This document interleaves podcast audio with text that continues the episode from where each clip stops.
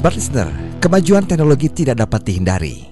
Mari cerdas dan bijaksana menyikapinya dan dapatkan inspirasinya dalam New Smart Digitalk bersama Daniel V. Lee, Digipreneur Pembelajaran Digital Berbasis Kompetensi.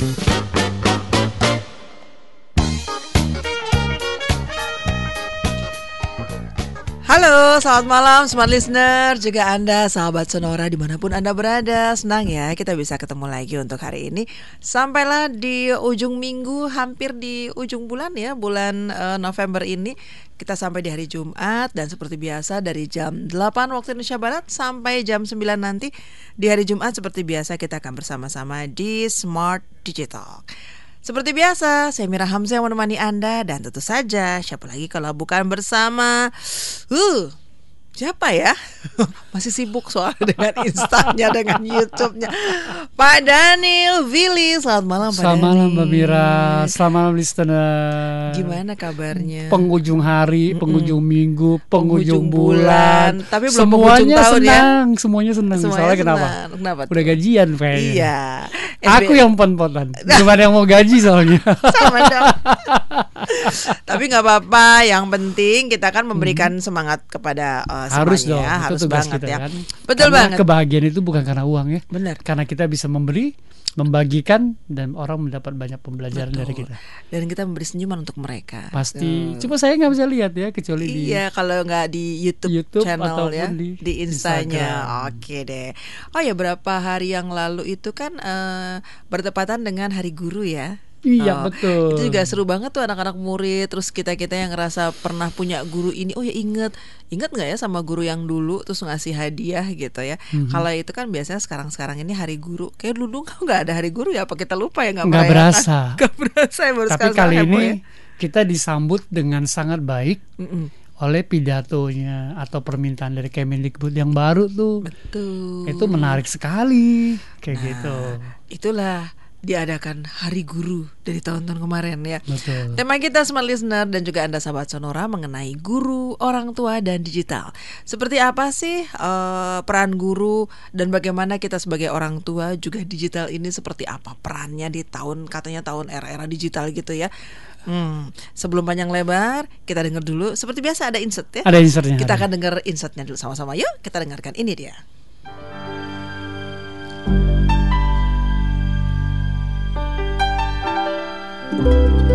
Guru, orang tua, dan digital.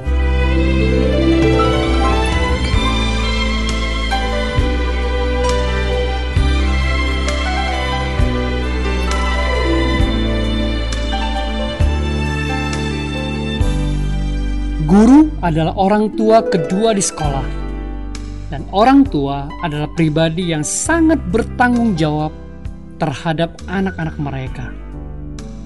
Digital memunculkan sebuah era atau media baru yang saat ini dikenal dengan digital era atau era digital. Ketiga hal tersebut, yaitu guru, orang tua, dan digital, mempunyai peran yang sangat amat penting di dalam keberlangsungan hidup manusia, khususnya di Indonesia.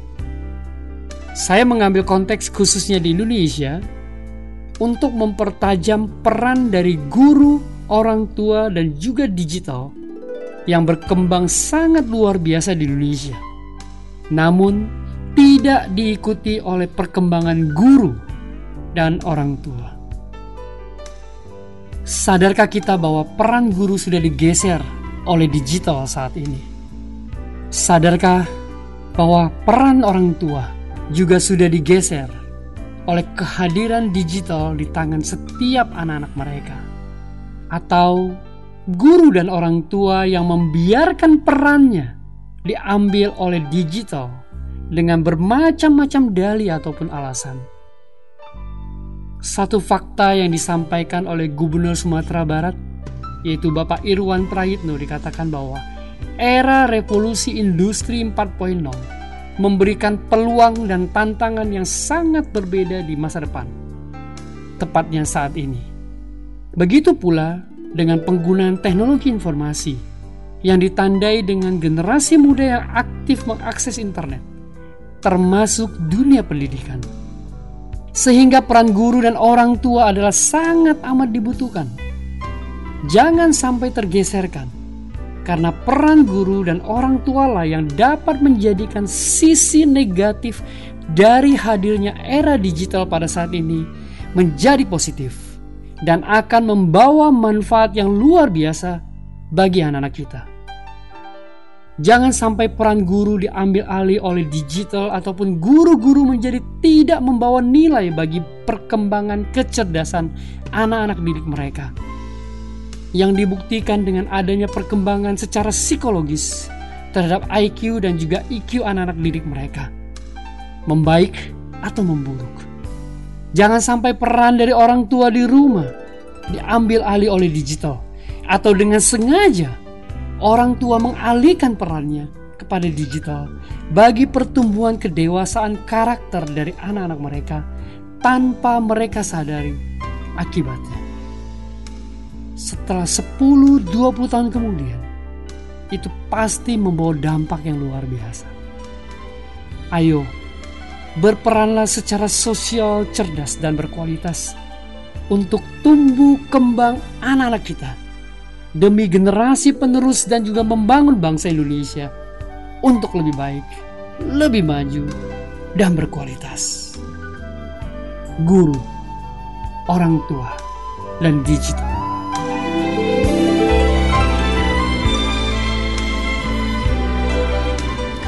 Ya, sahabat Sonora, Smart Listener, itu tadi insert dari tema kita di Smart Digital mengenai guru, orang tua dan digital. Kalau bicara digital, ya kalau nggak salah ini berasal dari kata Yunani ya, Ya, digital. Digius. Digius ya, itu artinya apa? Eh, jari jemari Iya. ya. Jadi benar-benar era jari jemari ya. Kalau dulu kan ada 10 kan 0, 1 sama Uh-uh, 0. uh-uh. Jadi ada jari jemari kita. Kalau dulu ada em, masih ingat nggak kalau di televisi swasta dulu ada jari-jari gitu Oh kan? Iya. Jari-jari jari, jari gitu ya. Iya. Iya. Jari-jari itu sangat sangat manfaat banget nih kita jari-jari kita ya sampai membuat hal seperti ini harus dipertanyakan nih kenapa ya guru orang tua dan digital hari ini mungkin bisa dibilang gini kali ya eh, Pak Daniel kalau ternyata benar-benar kejadian di Insta tadi itu semua sudah tergantikan Ya. orang tua udah tergantikan loh dengan eh, smartphone-nya dengan iPad-nya dengan laptopnya bahkan guru juga nggak usah guru nggak ngajar juga nggak apa-apa kita tahu kok nanti pelajarannya ini ini ini cari di Google cari di ini segala Betul. macam sangat mengkhawatirkan berarti ya Tergantung. Tergantung dari si guru dan- Mengkhawatirkan tuh ah. ketika kita tidak menyadari Hmm. lalu tiba-tiba kita peran kita digantikan. Itu mengkhawatirkan karena Hmm. kita tidak menyadari. Dan itu sangat bahaya sekali. sebenarnya sorry ketika sebenarnya kita udah sadar apa belum Nah, se- menurut saya Sadar dari semua ya? data yang ada, kesadaran kita tuh sangat minim dan jumlah yang tidak sadar itu banyak sekali. Mereka sadar itu setelah ada akibat yang terjadi. Oh Coba kita perhatikan di Indonesia, pada umumnya, pada umumnya hampir semua kasus ada kejadian dulu baru ops. Oh iya ya. Oh iya ya. Kenapa sih kita nggak pernah namanya preventif? iya iya iya, iya. belajar dulu untuk memahami sesuatu sebelum kita menerapkan memahami Makanya- sesuatu sebelum kita melakukan penyesalannya kan belakangan nggak pernah duluan Iya, kan? si penyesal itu memang selalu datang belakangan. Kalau duluan tuh bukan penyesal. pendaftaran ya Pendaftaran. duluan daftar dulu ya Daftar dulu, baru nyesalnya kemudian gitu ya. Seperti itu. Jadi sebenarnya, eh tapi menarik juga tadi opening dari Mbak Mira tentang Iya kata asli dari digital itu kan dari digius Uh, jari-jari gitu ya jari-jari Si gitu ya. jari-jari ini. Uh, angka 10 itu satu dan nol sebenarnya itu menandakan uh, sesuatu tuh terkait dengan digital itu adalah hitam atau putih? Hmm. hidup atau mati? Ya. Kayak gitu. Ya kan kayak kita lah saklar aja kan on off. Mm-mm. ya kan satu nol satu Iya. nol gitu kan. Hidup atau mati. Jadi kita lihat tuh itu pilihan sebenarnya. Jadi ketika kita era pilihan, digital dan betul hidup itu pilihan. Nah eh, ketika kita lihat oh iya jari-jari saya baru ingat oh iya sekarang kan semua ada di jari kita ya Iya betul. dengan smartphone ya kan semua ada di jari kita sampai nanti kita pakai voice comment Mm-mm. Nah itu yang pertama. Yang kedua menariknya tadi, kenapa mengkhawatirkan? Beberapa saat ini, kalau teman-teman atau semua pendengar atau Mbak Mira ingat, apa yang disampaikan oleh Pak Jokowi? Mhm. Eselon berapa yang dihilangkan akan diganti sama robot. Iya. kemudian kemarin uh, saya punya kesempatan ketemu seorang uh, sister yang luar biasa namanya Ibu Juli ya. Mm-hmm. Kalau pada malam hari dia mendengarkan dia sangat luar biasa dia penggerak robot Indonesia dia mm-hmm. punya robot Indonesia uh, rumah robot Indonesia gitu ya dia mengeluarkan satu statement yang memang saya amini bahwa mm-hmm. orang-orang di kelompok gaji 6 7 8 juta mm-hmm. dan mengerjakan pekerjaan yang monoton terus atau pekerjaan yang selalu itu-itu aja mm-hmm. itu udah pasti akan bisa digantikan dengan robot mm-hmm. kenapa karena beliaulah salah satu yang menciptakan itu rutinitas. Mm-hmm. Kita coba lihat begitu banyak otomasi-otomasi yang telah dijalankan dan digantikan oleh mesin, digantikan oleh robot. Bahkan nanti sampai suatu pelayanan yang bisa digantikan oleh robot. Salah satunya contoh kemarin beliau menceritakan yang sangat menggugah saya itu adalah benar juga ya. Jadi teman-teman atau adik-adik atau saudara-saudara kita yang mengalami uh, apa uh, satu kekurangan secara mental dan hmm. sebagainya, berkebutuhan khusus, hmm. ternyata mereka dilayani dengan sangat baik oleh robot oh. dibandingkan dengan manusia. manusia. Kenapa? Contoh, dia kasih contoh yang sangat real. Hmm. hmm. Manusia itu kan punya batas sabarnya ya. Yeah. Jadi ketika anak ini diajak, misalnya di terapi ngomong nih, karena takut ngomong kan diajak. Halo apa kabar? Sekali nggak dijawab dua kali nggak dijawab lama kita marah kan. Halo apa kabar? Kamu benar nggak? Gitu kan. Ternyata kasus-kasusnya ada yang sampai diludahin loh. Anak itu nggak mau respon Oke, okay. manusia robot, human ya. Human. Oke. Okay. Tapi kalau robot, robot mau seribu kali, seratus kali, aja. statement masih sama. Jadi itu ternyata uh, uh. intonasinya sama, tiap hari Diulang sama. Lagi, Kok dia sabar banget ya. Uh, Jadi ternyata uh. itu merubah anak itu dan itu memperbaiki cara hidup mereka yang luar biasa okay. dan mereka akhirnya dari nggak berani ngomong jadi berani, ngomong. ngomong. Itu karena robot. Dan robot mengucapkan salam yang konsisten sekalipun kamu marahin nih, dia konsisten dia kalau manusia nggak bisa benar, bisa ngelawan robot akan uh, bermasalah jika rusak atau jika kita ya. sentil atau apa itu akan toeng ya, gitu, kan gitu. kayak di film kartun ya tapi kalau gitu. manusia akan balas ya oh, balas robot mau diapain aja hmm. nah di situ saya menyadari oh iya ya peran ini akan digantikan nih Ah, seru perannya akan digantikan. Ketika manusia tidak bisa mengontrol, manusia tidak bisa konsisten, mm -mm. tidak bisa persisten. Nah, itu yang terjadi. Digantikan. Padahal kalau kita uh, ngisi satu isian di handphone, di laptop, I'm not robot ya, udah dikasih yeah, tahu kan. I'm not ya. robot ya. I'm not robot ya. Tapi oh cara ngisinya tetap jadi robot ya. Karena kliknya by default gak pakai mikir lagi kan. kan?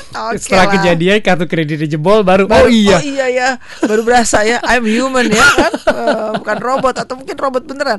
Pak, kita harus break dulu ya. Oke. Okay. Dan smart listener sahabat Sonora, jangan lupa saya selalu menginformasikan kepada Anda jika Anda berminat pertanyaan di setiap sesi kita, silakan saja Anda kirimkan SMS WA di 0812 11 12 959. Jangan lupa ketik nama Anda juga lokasi Anda ada di mana ya. Untuk telepon silakan line telepon kami buka di 0216343417. Kita break dulu setelah ini kita akan kembali. Tetaplah bersama kami. New Smart Digital bersama Daniel Fili.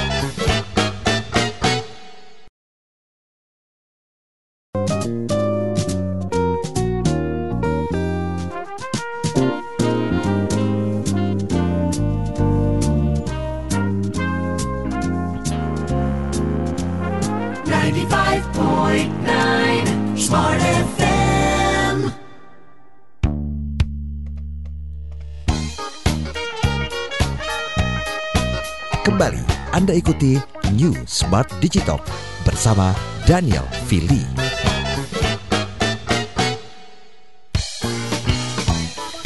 Smart listener juga Anda sahabat Sonora masih bersama di Smart Digital untuk malam hari ini uh, tema kita pembahasan kita mengenai guru, orang tua dan digital. Tadi sudah diinformasikan uh, insertnya juga sudah ada bagaimana kalau ternyata tergantikan dengan eranya digital ini ya. ya. Kalau dibilang era digital ini kan semuanya sudah serba uh, tinggal pencet-pencet dari yang namanya mesin cuci, namanya uh, apa?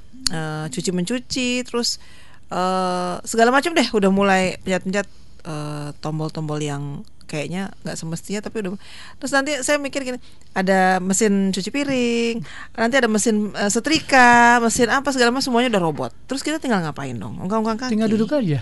Tinggal, duduk tinggal nyari duit. Tinggal nyari duit aja buat ya? bayarin robot itu. Uh, uh, untuk membayarkan itu semua akhirnya ya. kita apa? Kita bekerja untuk robot loh Gimana dengan 5.0 ya Pak? Ya, itu udah bicara 5.0, udah bicara tentang society. Itu lebih mengerikan lagi. Mengerikan kalau memang secara pribadi kita sebagai human being, Mm. kita tidak ready untuk itu. Itu yang sangat menakutkan sebenarnya kayak gitu kan. Belum lagi kita bicara hologram, bicara dan sebagainya. Nah, itu dia. Nah, tema ini saya angkat ketika saya mendengarkan apa yang disampaikan oleh Nadim. Uh, dia menyampaikan pidato ini waktu merayakan Hari Guru Nasional. Dia berharap bahwa ayo dong guru-guru melakukan perubahan-perubahan kecil. Dari situ saya berpikir bahwa memang habis itu saya posting di di Instagram saya mengatakan bahwa guru itu memang sangat berperan dalam seluruh hidup saya sampai dengan karir. Karena saya ingat bahwa tanpa mereka untuk mengajarkan kita sampai pada hari ini pendidikan karakter, akal budi dan lain sebagainya, bahkan ilmu pengetahuan itu mereka lakukan. Tapi saya ingat itu ketika kita tahun 70-an, tahun 80-an. Lalu masuk tahun 90-an, di mana tahun 90-an era internet mulai masuk ke Indonesia. Sekarang tahun 2000 2000-an gitu. Dan makin canggih.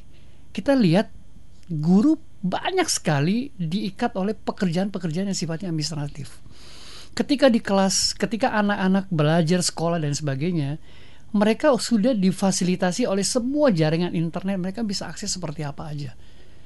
Bahkan sebagian besar guru-guru merasa terkalahkan oleh murid-murid mereka gitu. Ya, Jadi sehingga guru itu jadi marah karena nggak boleh lebih pinter. Bedanya guru dengan kita tuh sebenarnya apa sih? Sehari guru lebih prepare dulu kan dibandingkan Iya. muridnya. Tapi sekarang kalau murid-murid ini kritis dan lebih pintar, lalu Oh, kita iya. jealous sebagai guru, atau kita malah nggak ngapa-ngapain gitu. Atau yang terakhir yang ketiga adalah harusnya guru bisa mengutilisasi konten materi yang ada di internet untuk membantu guru dalam proses ngajar mengajar seperti itu. Nah pertanyaannya adalah apakah mereka difasilitasin?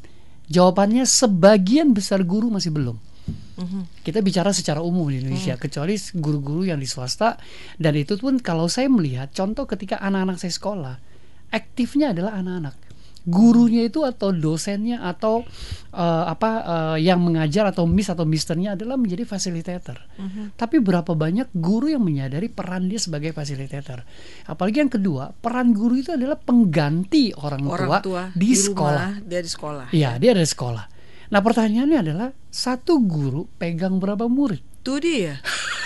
Kalau anak SD 32, anak SMP bisa 36 40. Iya. Kita satu aja koar-koar ya. Iya.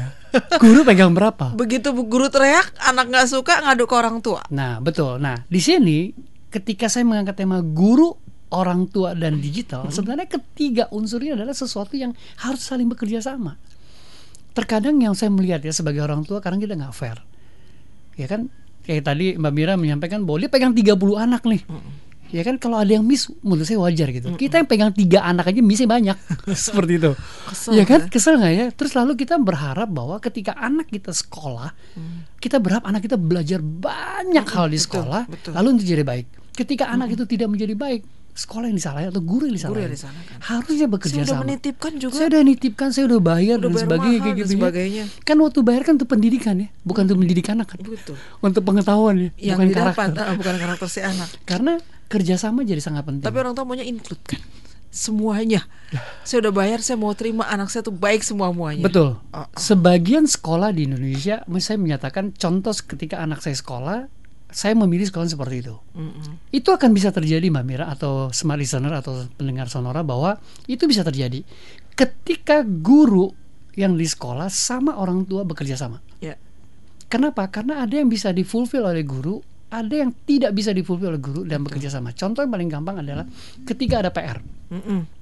Oke, ketika ada PR, tugasnya orang tua di rumah adalah mencari tahu apa yang menjadi PR anak tersebut dan membantu. Dan komunikasikan dengan guru, ekspektasinya seperti apa itu dihasilkan. Atau ketika ada tugas di mana guru berharap tugas ini dikerjakan oleh orang tua dan anak. Mm-mm. Anak nggak ikut, Saya masih menemukan orang tua aja. Nah, itu masih nggak apa-apa. itu masih nggak apa-apa. Anak nggak ikut nih, orang tuanya ada kerjaan. Berarti orang tuanya mau bertanggung jawab kan sebenarnya. Tapi ada loh, saya menemukan orang tuanya nggak bertanggung jawab, dia kasih ke babysitternya. Bahkan sampai menemani babysitter, babysitternya menemani anak itu presentasi di sekolah. Iya, aduh. Anak itu mbak. anak mbak atau anak kita gitu. tua. Nah di sini saya ingin mengangkat bahwa kenapa sesuai dengan tema kita sebelumnya bahwa Hari Anak Nasional pada minggu lalu pendidikan anak-anak itu menjadi tanggung jawab setiap orang tua Betul. bukan guru.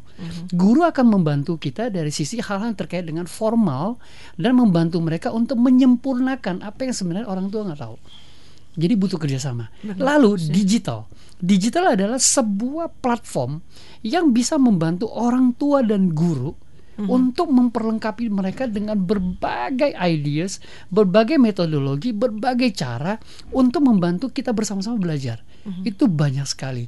Makanya tadi di Insight disampaikan bahwa peran guru dan peran orang tua adalah bagaimana konten-konten yang bisa dipilih supaya anak-anak kita mendapatkan materi-materi yang positif, bukan yang negatif. Empat minggu yang lalu kita belajar bahwa konten itu majority dari 800 ribu ada 600 ribu konten itu yang negatif. 200 ribunya adalah positif. Bisa bayangkan kalau kita tidak membimbing, tidak menolong anak-anak kita, kita mereka akan mendapatkan konten-konten yang tidak membantu mereka untuk berkembang, bertumbuh dengan lebih baik. Kenapa? Karena di masa pertumbuhan anak-anak dari 0 sampai 14 tahun, mereka adalah seperti sebuah kertas yang kosong dan siap ditulis. Betul. Apa pun yang ditulis oleh mereka, itulah akan terjadi di masa 10 tahun kemudian, 15 tahun kemudian sampai 20 tahun kemudian. Dan kita akan lihat satu perubahan di mana penyesalan itu akan datang atau kebahagiaan yang kita akan terima karena apa yang sudah kita lakukan sejak masa mudanya mereka. Seperti itu Mbak Mira. Iya. Kayaknya eh, perlu ini nih tarik nafas, hela nafas, huh gitu ya. Karena memang eh, sungguh mengerikan ya. Gimana nanti tahun-tahun berikutnya untuk anak cucu kita mengenai hal ini digital. Jangan sampai kita begitu masuk banget ke era digital ini eh, tidak memperhatikan dunia nyatanya gitu loh. Betul. Dengan dunia nyata anak-anak kita dengan bersentuhan, dengan langsung mengajarkan. Karena memang nanti anak-anak juga lebih pintar dan dia akan mencari sendiri semuanya di Iya. digital ini. Ada beberapa pertanyaan yang sudah masuk nanti akan saya bacakan. Tapi saya kasih satu statement sebentar Ah, boleh, ya. boleh. Gimana? That's why ketika saya mengajak Smart FM untuk kerjasama, saya punya satu panggilan untuk menyampaikan bahwa akibat yang ditimbulkan oleh era digitalisasi yang mengglobal ini sebenarnya sangat luar biasa uh, bahayanya. Kita lihat di beberapa negara maju, contoh di Jepang dan lain sebagainya, itu akan membuat kita tuh jauh lebih lebih jahat dibanding dengan yang paling jahat seperti itu. Kenapa? Karena terjadi pembunuhan karakter, terjadi apa uh, tidak bisa menghargai pribadinya sebagai human sehingga dia melakukan itu adalah berdasarkan apa yang di dijudge oleh orang dan dia melakukan sesuatu yang sifatnya adalah apa yang mereka bisa tiru. Bahkan mereka bisa melakukan apa aja melalui media yang mereka punya yaitu namanya internet. Mereka dapat begitu banyak konten mereka melakukan. Nah sisi human being kita yang menjadi hilang mbak Mira. Itu yang jadi penting Iya. yang harus kita sadari Makanya ini kita bahas smart listener sahabat sonora mengenai guru orang tua dan digital. Sudah seberapa eh, baik dan eh, seberapa masukkah Anda seorang guru kepada eh, murid-muridnya?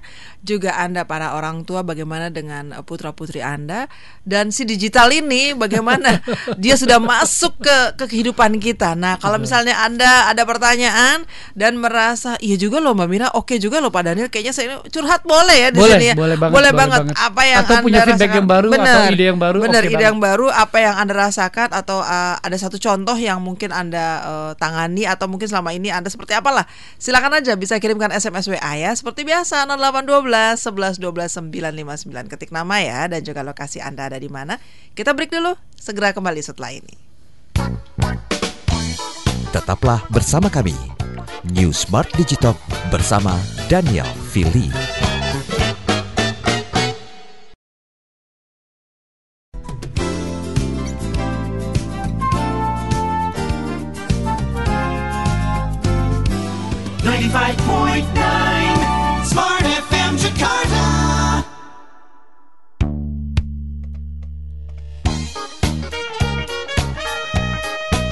Kembali Anda ikuti New Smart Digitalk bersama Daniel Fili.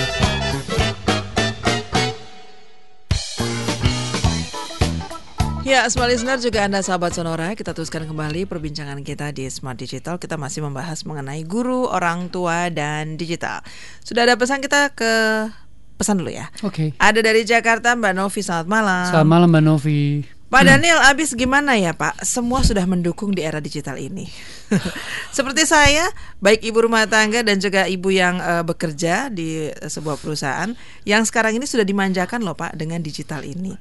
Seperti misalnya mau ke pasar, mau belanja, sekarang nggak perlu keluar lagi, tinggal pencet-pencet handphone.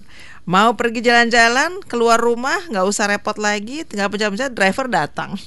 Dan seperti biasanya, kalau waktunya weekend Sabtu Minggu mau nonton, nggak usah jauh-jauh, nggak usah antri, tinggal pencet-pencet, dapat tiketnya duduk di mana. Betul. Nah, hal seperti ini yang eh, membuat kita semakin eh, dimanjakan, tapi harus seperti apa untuk menyikapi hal seperti ini? Memang udah demikian adanya, Pak. Oke, sangat menarik apa yang disampaikan Ibu. Memang kehadiran teknologi informasi ataupun digital pada saat ini adalah mempermudah semua pekerjaan kita. Betul banget. Betul banget ya. Mm-mm. Tapi jangan sampai mengalihkan peran kita. Kalau tadinya kita butuh waktu untuk pergi ke pasar, sekarang kita nggak perlu lagi. Kalau tadinya kita perlu waktu untuk mengantri tiket buat nonton, sekarang nggak perlu lagi. Kalau kita dulu perlu nunggu taksi di luar, sekarang nggak perlu lagi. Artinya kita punya lebih banyak waktu sehari dari 24 jam itu. Pertanyaan saya adalah kita pakai untuk apa? Sisa waktu itu. Kan tadi udah tahu, semua jadi gampang. Semuanya udah gampang kan. Berarti kan lebih dong waktunya. banyak banget ya. Hah, dipakai untuk apa? nggak- Apa? Nah, yang bahaya adalah dipakai buat kepo, Hmm, itu dia. buat ngecek Instagram orang lain. Jadi, Anaknya dibiarin jam? terlantar. Hmm. Harusnya. Terus terang Bapak Ibu pendengar semuanya termasuk Mbak Mira gitu ya. Saya sendiri juga masih belajar. Saya tahu bahwa semua kemudahan itu membantu saya untuk punya waktu lebih banyak. Hmm. Jadi ketika saya nonton, saya duduk dengan anak saya untuk nonton untuk sama-sama mempelajari konten itu Oke. eye contact, belajar bersama, main bersama. Seperti minggu lalu saya ajak bahwa ayo spend waktu main bersama. Spend waktu sama anak-anak kita untuk main di lapangan atau bahkan berenang, eh, bersenda gurau dan lain sebagainya. Supaya mereka tidak dialihkan oleh gadget. Seperti anak saya yang paling kecil, dia punya waktu untuk main gadget cuma hanya Sabtu dan Minggu. Itu pun kalau saya di rumah. Dia hanya punya bola handphone saya. Dan kontennya pun itu dibatasin seperti itu. Tapi selebihnya apa? Dia main sesuatu yang sifatnya kinestetik. Sifatnya eh, bongkar pasang, dia harus naik turun, ngerapin semua dan itu melakukan sendiri dan itu dibantu oleh ibunya di rumah seperti itu. Dan itu penting banget. Ketika dia berenang, dia harus belajar untuk berenang. Tapi kadang-kadang seperti yang ibu tadi sampaikan, begitu banyak waktu yang sudah kita sisihkan dari otomatisasi tadi, kita tidak menggunakan waktu yang lebih tadi untuk sesuatu yang sebenarnya membawa manfaat buat kita gitu seperti. Nah, saya terkadang melihat bahwa banyak orang merasa waktunya kurang. Kenapa? Karena begitu banyak aktivitas yang dia lakukan. Nah, sekarang kan udah dipermudah tuh. Sebenarnya waktu lebih banyak. Betul. Tapi saya masih spend waktu ke anak ah, ke anak saya untuk pergi ke pasar sama-sama. Biar langsung tahu. Biar ya. tahu. Nah, itu sifatnya Seperti kita apa? memperkenalkan konten, Mm-mm. memperkenalkan itu dan sebagainya. Sesungguhnya ya, Sesungguhnya seperti itu. nggak yang dia lihat di Bukan ya. YouTube, Jadi yang dia lihat kita kasih tahu yang lihat nih aslinya seperti ini. Itu kita lakukan sampai dia pegang ikan, dia pegang Ya, ini, betul. dia Itu anak-anak, smell, oh, dia loh. rasain dan mereka seneng. Dia seneng loh pasti kan. Ha-ha. Dibilang deso deso deh pokoknya gue seneng Ya, gitu kan. Jadi dia bisa lihat bahkan dia bilang oh bahasa Inggrisnya ini, ini bahasa Iya, Indonesia iya. seperti ini kayak gitu. Iya, betul, Sehingga dia betul. bisa menerapkan dan kita uh, mengajarkan anak kita juga untuk melakukan transaksi seperti itu. banget. Uh, salah satunya juga kita lakukan misalnya ke mall. Kalau tuh kita ke mall kita ngajarin anak kita untuk jalan kaki Betul. Dan kita Keliling. gandeng dan tidak sambil pegang handphone. Itu penting banget. Benar. Kita berdialog mengajak mereka untuk lihat kiri Iya, kanan. betul, betul. Tapi coba kita lihat di mall. Bapaknya ke mana, ibunya ke mana. Duduk udah pesen minum dan lain sebagainya. Semua pegang handphone semuanya. Jadi perginya sama-sama sih. Betul. Tapi Saya apakah pasti- semua pikirannya sama-sama di situ atau enggak? Saya nah itu sudah- membedain. Sudah mulai tuh Pak Daniel eh, dengan keluarga dengan anak-anak begitu dia makan entah di mall entah di rumah tangan kiri gini nggak usah makan. Kan udah ada bun. Makan aja handphonenya. Sampai berapa kuat. Dia langsung. Dipinggirin. Mm-mm. Ya. udah dipinggirin saya bawa semuanya. Nggak ada di atas meja kok diambil? Makan dulu. Entah saya taruh di mana pokoknya pokoknya Ya, nggak ini. harus sudah mulai. dulu. begitu udah selesai saya puter nih Ya. YouTube-nya. Kenapa? Dengerin ini yang ngomongin nggak boleh main ini nih tuh kok ada bundanya juga? Ya itu karena itu. Karena udah dikasih tahu Belajar gitu kan, udah kasih Belajar tahu. kan. Nah, supaya itu reflect kepada diri kita jadi sendiri. mereka tahu saya nggak cuma ngasih tahu tapi juga belajar, belajar untuk melakukan itu. Dan Mereka- ternyata beda kan? Beda, kita kita bisa tahu. menikmati kan kayak gitu. Betul, banget. Penting banget. Sudah ada yang masuk lagi kita Oke, bacain silakan. ya. Smart listener, sahabat sonora, saya akan bacakan. Halo, selamat malam Pak Kemal di Jakarta. Selamat malam Pak Kemal.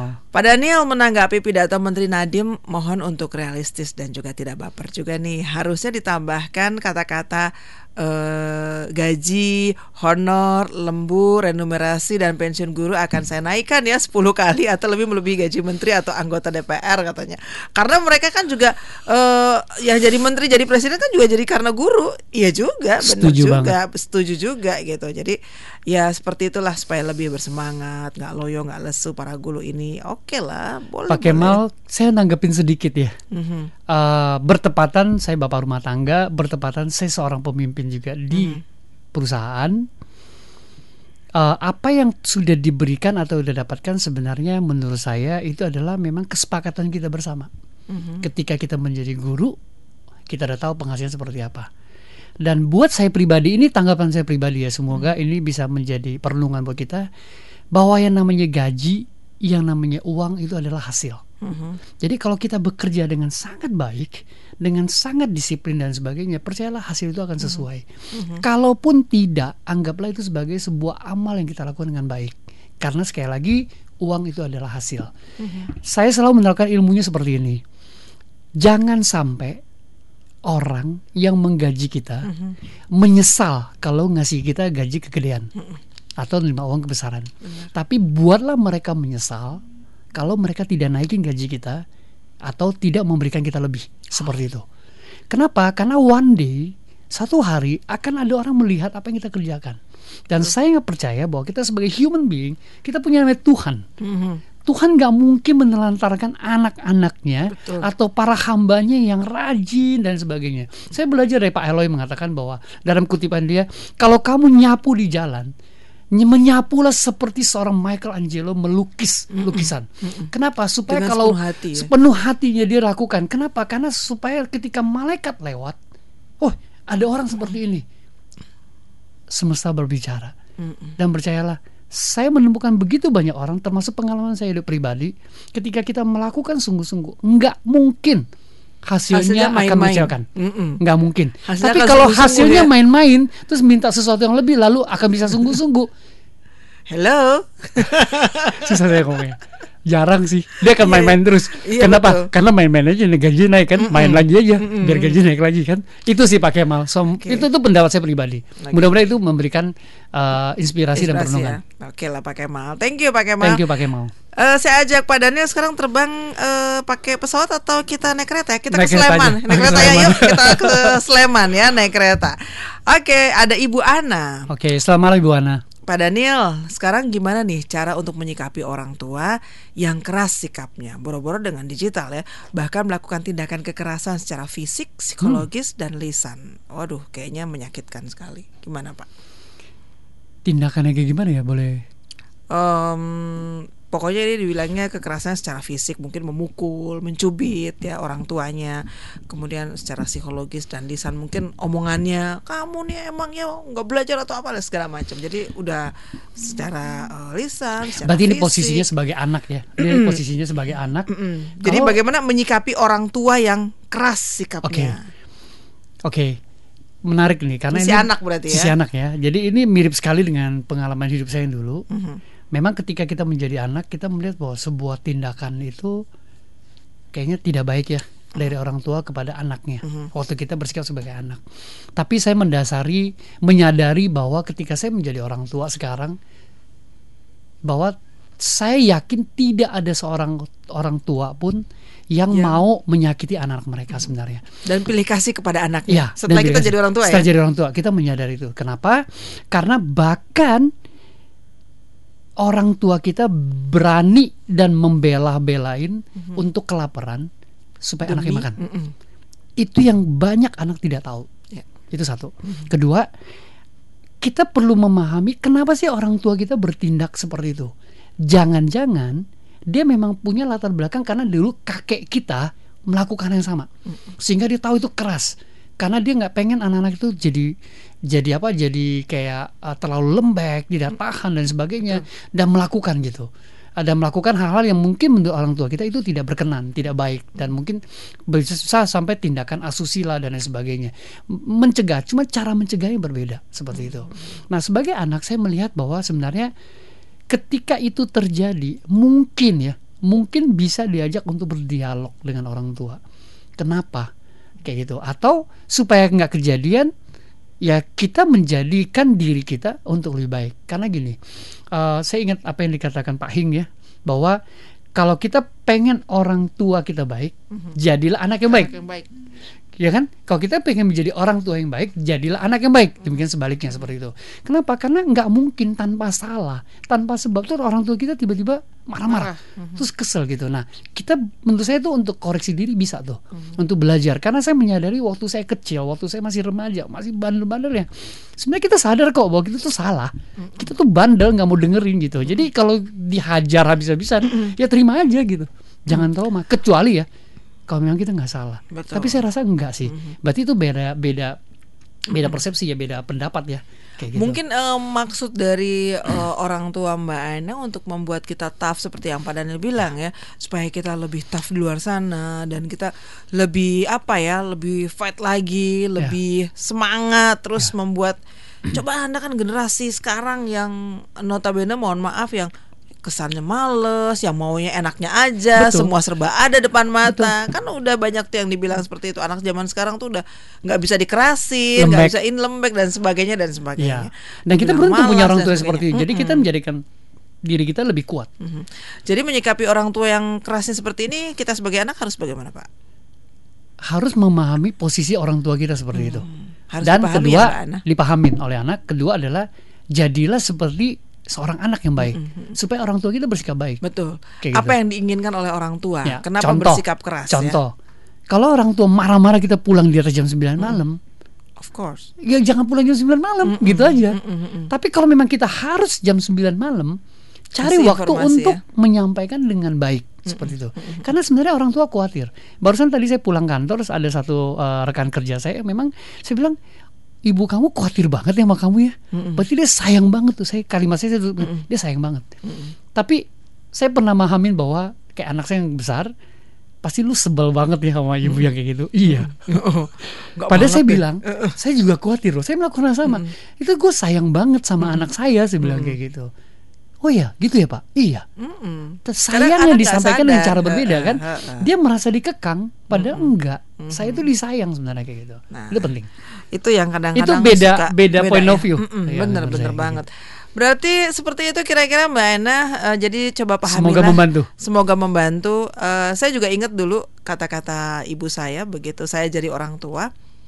Nanti kamu ngerasain kalau kamu udah jadi ibu. Iya. Kamu akan merasakan seperti apa sakitnya seorang ibu kalau anak nggak dengerin. Hmm, dalam hati dulu tuh saya ingat banget. Hmm, mami emang ngomongnya. Iya. Eh begitu saya jadi sedih kadang-kadang ngeliat oh iya ya ternyata bener dan itu tidak ada pelajarannya di sekolah. Nggak ada. Tidak ada pelajarannya di sekolah. Benar-benar hanya di lingkungan. Dan ada satu lagi eh terkait dengan orang tua kita gitu ya. Saya sangat meyakini tidak seluruhnya mungkin sebagian besar 99,9% bahwa orang tua kita tuh berusaha untuk melakukan terbaik buat anak-anak mereka. Betul. Dan mereka tanpa pamrih mereka akan mengorbankan segala hal untuk anak-anak kita. Kadangkala memang banyak kan mereka tidak ngomong kepada anak-anak mereka. Dan banyak anak-anak termasuk saya pribadi bahwa kita merasa bahwa apa yang dilakukan orang tua kita nggak fair. Biasanya setelah kita menjadi orang tua kita menyadari.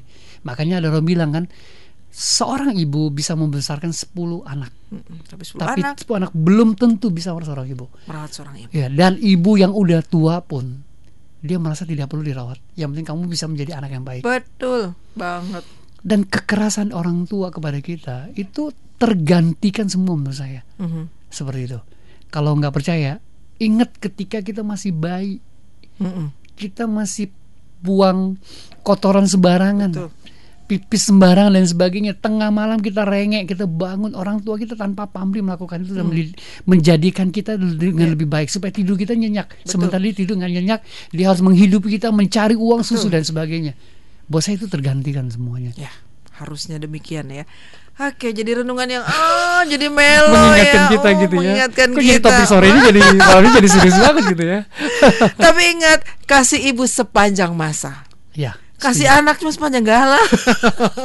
Tapi Sepenggalan. ya, sepenggalan ya. Enggak lah, ya, sekarang tuh anak-anak hebat-hebat sekarang udah sekarang. hebat-hebat. Oke, oke Ya. kok. Kita break dulu ya, Pak. Daniel dan juga Anda smart listener sahabat Sonora, kita break dulu. Masih ada beberapa eh, SMS WA yang masuk untuk Anda mau berpartisipasi silakan loh masih kami tunggu di 0812 11 12 959 ketik nama dan juga lokasi Anda ada di mana. Kita break dulu ya, kita kembali setelah ini. Tetaplah bersama kami. New Smart Digital bersama Daniel Fili.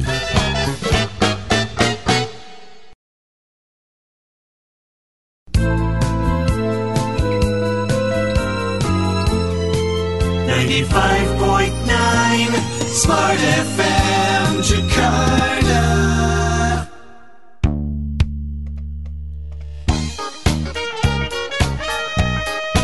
Kembali Anda ikuti New Smart Digital bersama Daniel Fili.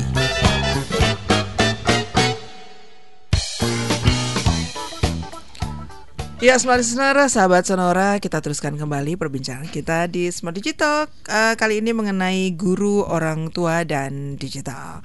Em, ada beberapa yang yang nanti akan saya bacakan pertanyaannya, tapi saya juga mau bertanya. Jadi kita harus seperti apa nih mendidik dan mengarahkan anak-anak kita di era eh, digital ini?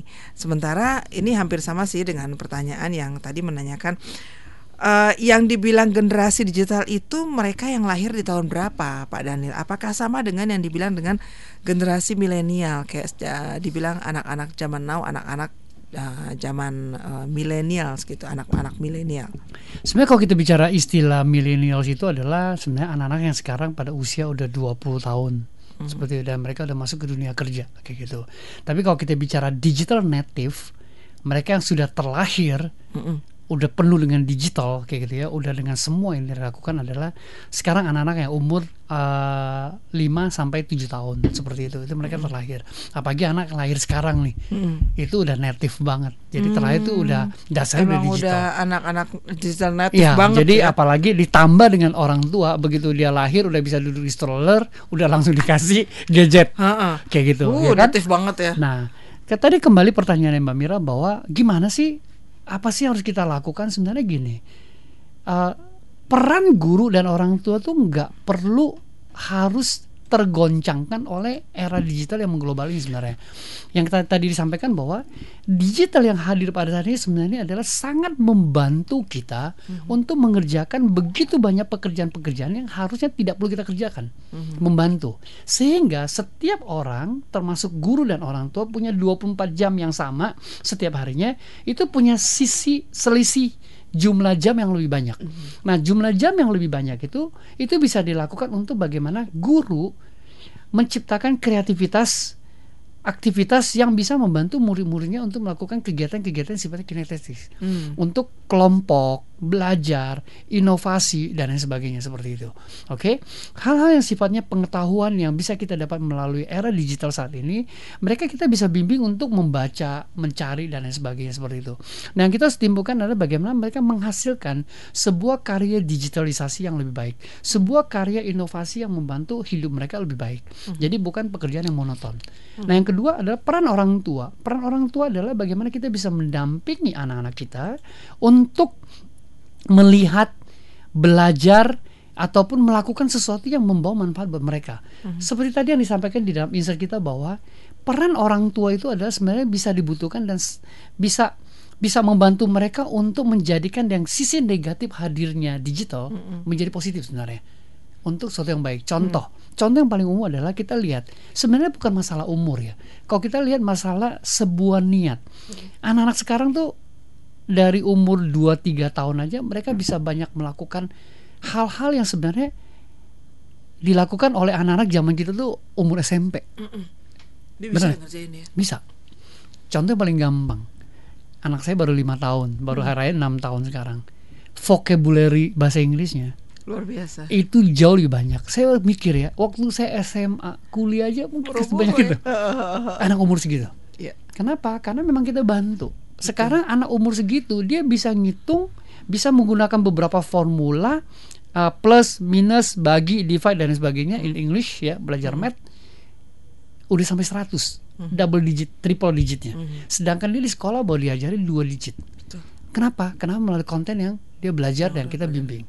Nah, tugas orang tua adalah bagaimana membimbing, memilihkan dan menolong mereka untuk mencari sesuatu yang baik. Kenapa?